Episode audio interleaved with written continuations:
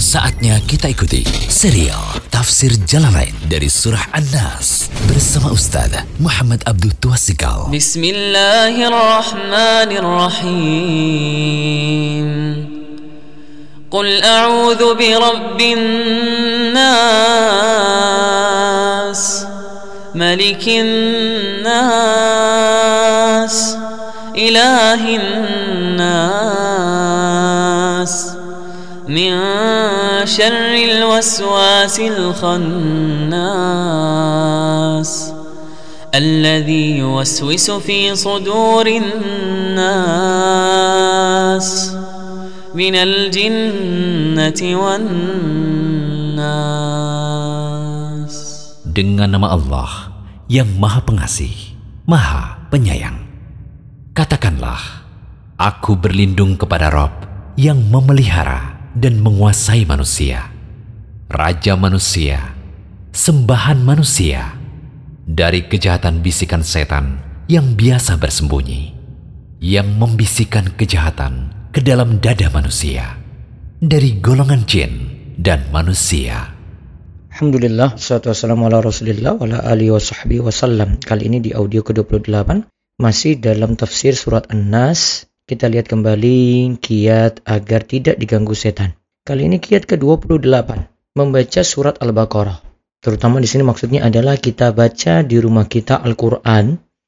Artinya ada bacaan Al-Qur'an di dalam dan jangan sampai rumah tersebut seperti kuburan. Yang di mana kuburan kita tahu bukanlah tempat untuk hidup bacaan-bacaan Al-Quran di situ. Karena yang ada hanyalah orang-orang yang telah meninggal dunia. Dari Abu Hurairah radhiyallahu anhu, Nabi Shallallahu alaihi wasallam bersabda, "La taj'alu buyutakum maqabira. Inna syaitana yanfiru minal tuqra'u fihi suratul Baqarah." Janganlah menjadikan rumah kalian seperti kuburan karena setan itu lari dari rumah yang di dalamnya dibacakan surat Al-Baqarah. Hadis riwayat Muslim. Kemudian ke-29 menyebut nama Allah, yaitu berzikir ketika masuk rumah dan ketika makan. Dari Jabir bin Abdullah radhiyallahu anhu, ia pernah mendengar Nabi Shallallahu alaihi wasallam bersabda, "Idza dakhala rajulu baitahu فذكر الله عند دخوله وعند طعامه قال الشيطان لا مبيت لكم ولا عشاء وإذا دخل فلم يذكر الله عند دخوله قال الشيطان أدركتم المبيت وإذا لم يذكر الله عند طعامه قال أدركتم المبيت والعشاء jika seorang masuki rumahnya, lantas ia menyebut nama Allah saat memasukinya. Begitu pula saat ia makan. Maka setan pun berkata pada teman-temannya, kalian tidak ada tempat untuk bermalam dan tidak ada jatah makan. Ketika ia memasuki rumahnya tanpa menyebut nama Allah, setan pun mengatakan pada teman-temannya, saat ini kalian mendapatkan tempat untuk bermalam. Ketika ia lupa menyebut nama Allah saat makan, maka setan pun berkata, kalian mendapat tempat bermalam dan jatah makan malam. Syekh Muhammad bin Saleh Utsaimin rahimahullah menjelaskan ini hadis riwayat Muslim tadi ya. Jika seorang menyebut nama Allah ketika masuk ke rumah tetapi tidak menyebutnya saat makan, maka setan akan berserikat dengannya saat makan. Nah, jika seorang menyebut nama Allah ketika makan tetapi tidak saat masuki rumahnya, maka setan akan berserikat dengannya di tempat bermalamnya. Sedangkan jika saat masuk rumah dan saat makan malam ia menyebut nama Allah, maka setan akan menjauhi tempat bermalam dan jatah makannya. Wallahul muhafiq.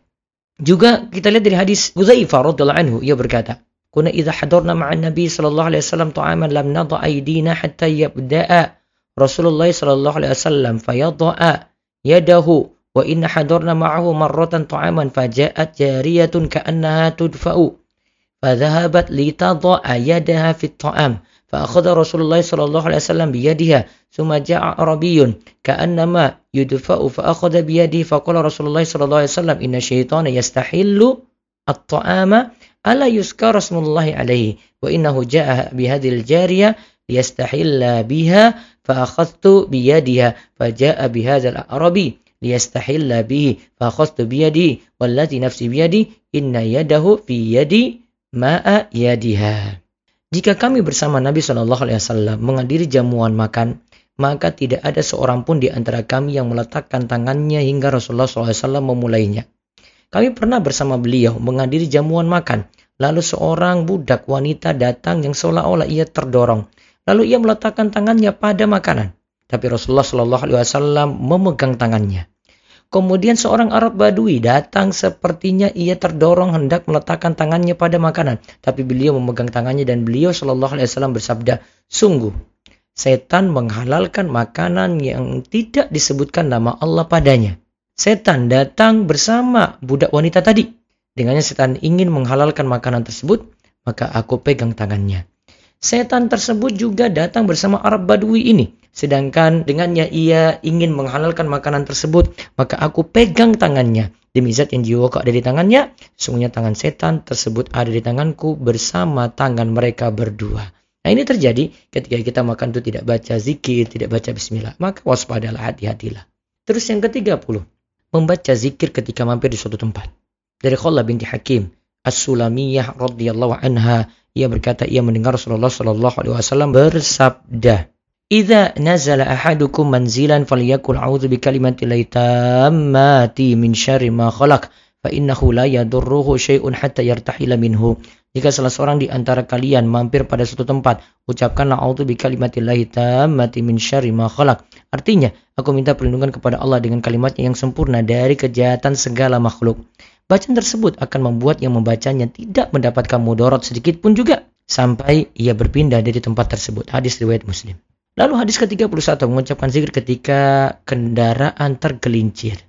Dari Abu Malih, dari seorang, dia berkata, aku pernah diboncengi Nabi Shallallahu Alaihi Wasallam. Lalu tunggangan yang kami naiki tergelincir. Kemudian aku pun mengatakan, celakalah syaitan. Namun Nabi SAW menyangga ucapanku tadi dengan beliau mengatakan, La takul ta'isa syaitan, fa innaka idha kulta dhalika ta'adham hatta yakuna mislal bait, wa yakula bikuwati walakin kul bismillah fa innaka idza qulta dzalika tasaghara hatta yakuna misla dzubab.